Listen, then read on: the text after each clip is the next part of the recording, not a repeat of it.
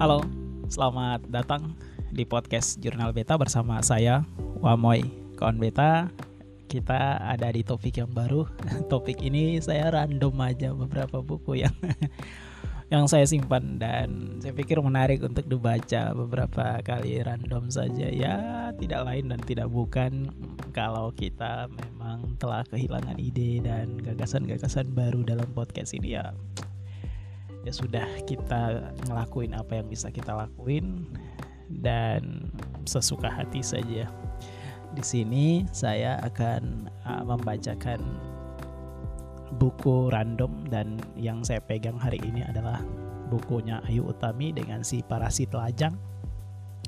Buku ini sudah lama, kawan-kawan juga mungkin ada yang sudah membacanya. Saya baca di bagian ke 136 Judulnya adalah agama. Namanya ide. Idea hits. Sebetulnya Christian Hitze. Tapi ia tak suka agama, lalu memutuskan memakai nama ide. Sebagai ganti Christian, di Australia orang boleh tidak beragama. Yang dibaptis waktu bayi boleh meninggalkan gereja dengan membuat deklarasi di sejenis kantor sipil di sana beragama tidak memberikan banyak keuntungan. Dalam kurung, di sini beragama mungkin tak membawa keuntungan, tetapi tidak beragama membawa kerugian sosial.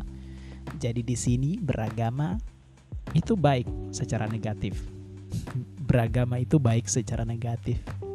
Oke, okay, I, I understand. Pada tahun 30-an, Hitler membuat peraturan bahwa semua orang Katolik harus membayar pajak Peraturan itu tetap berlaku hingga kini. Pasti ide Hitse tidak meninggalkan agama lantaran pajak. Ia merasa agama lebih banyak mudarat daripada manfaatnya.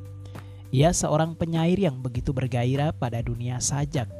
Waktu muda ia mengembara dan guru utamanya antara lain Allen Gibson. Ia juga pemusik, mengingat lebih dari 100 komposisi.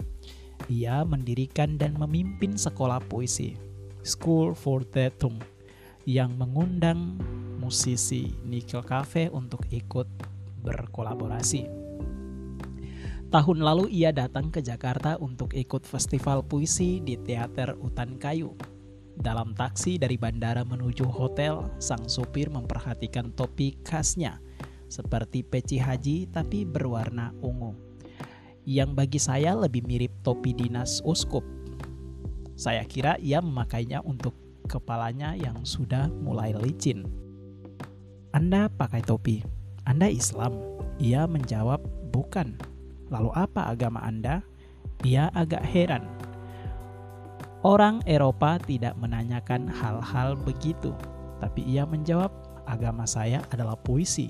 Tentu percakapan ini dalam bahasa Inggris. Sejak jam pertamanya, ia menyadari bahwa agama begitu penting dalam identitas orang Indonesia. Di taksi itulah ia menemukan rumusan indah, yaitu Poetry is my religious. Ia dan sekolahnya mengundang saya ke Wina. Kami bertemu Duta Besar Indonesia dalam pertemuan pertama, ia mendengar dari Pak Dubes bahwa bagi orang Indonesia agama amat penting.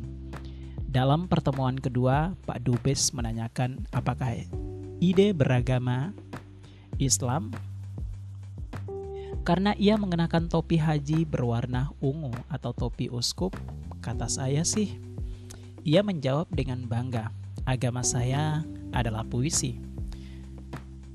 Maka Tahulah ia bahwa agama merupakan satu dari lima keingintahuan utama orang Indonesia. Keempat yang lain yaitu umur, status perkawinan, suka, suku, dan pekerjaan. Kalau perlu penghasilannya juga. Thank you for listening and see you next time again.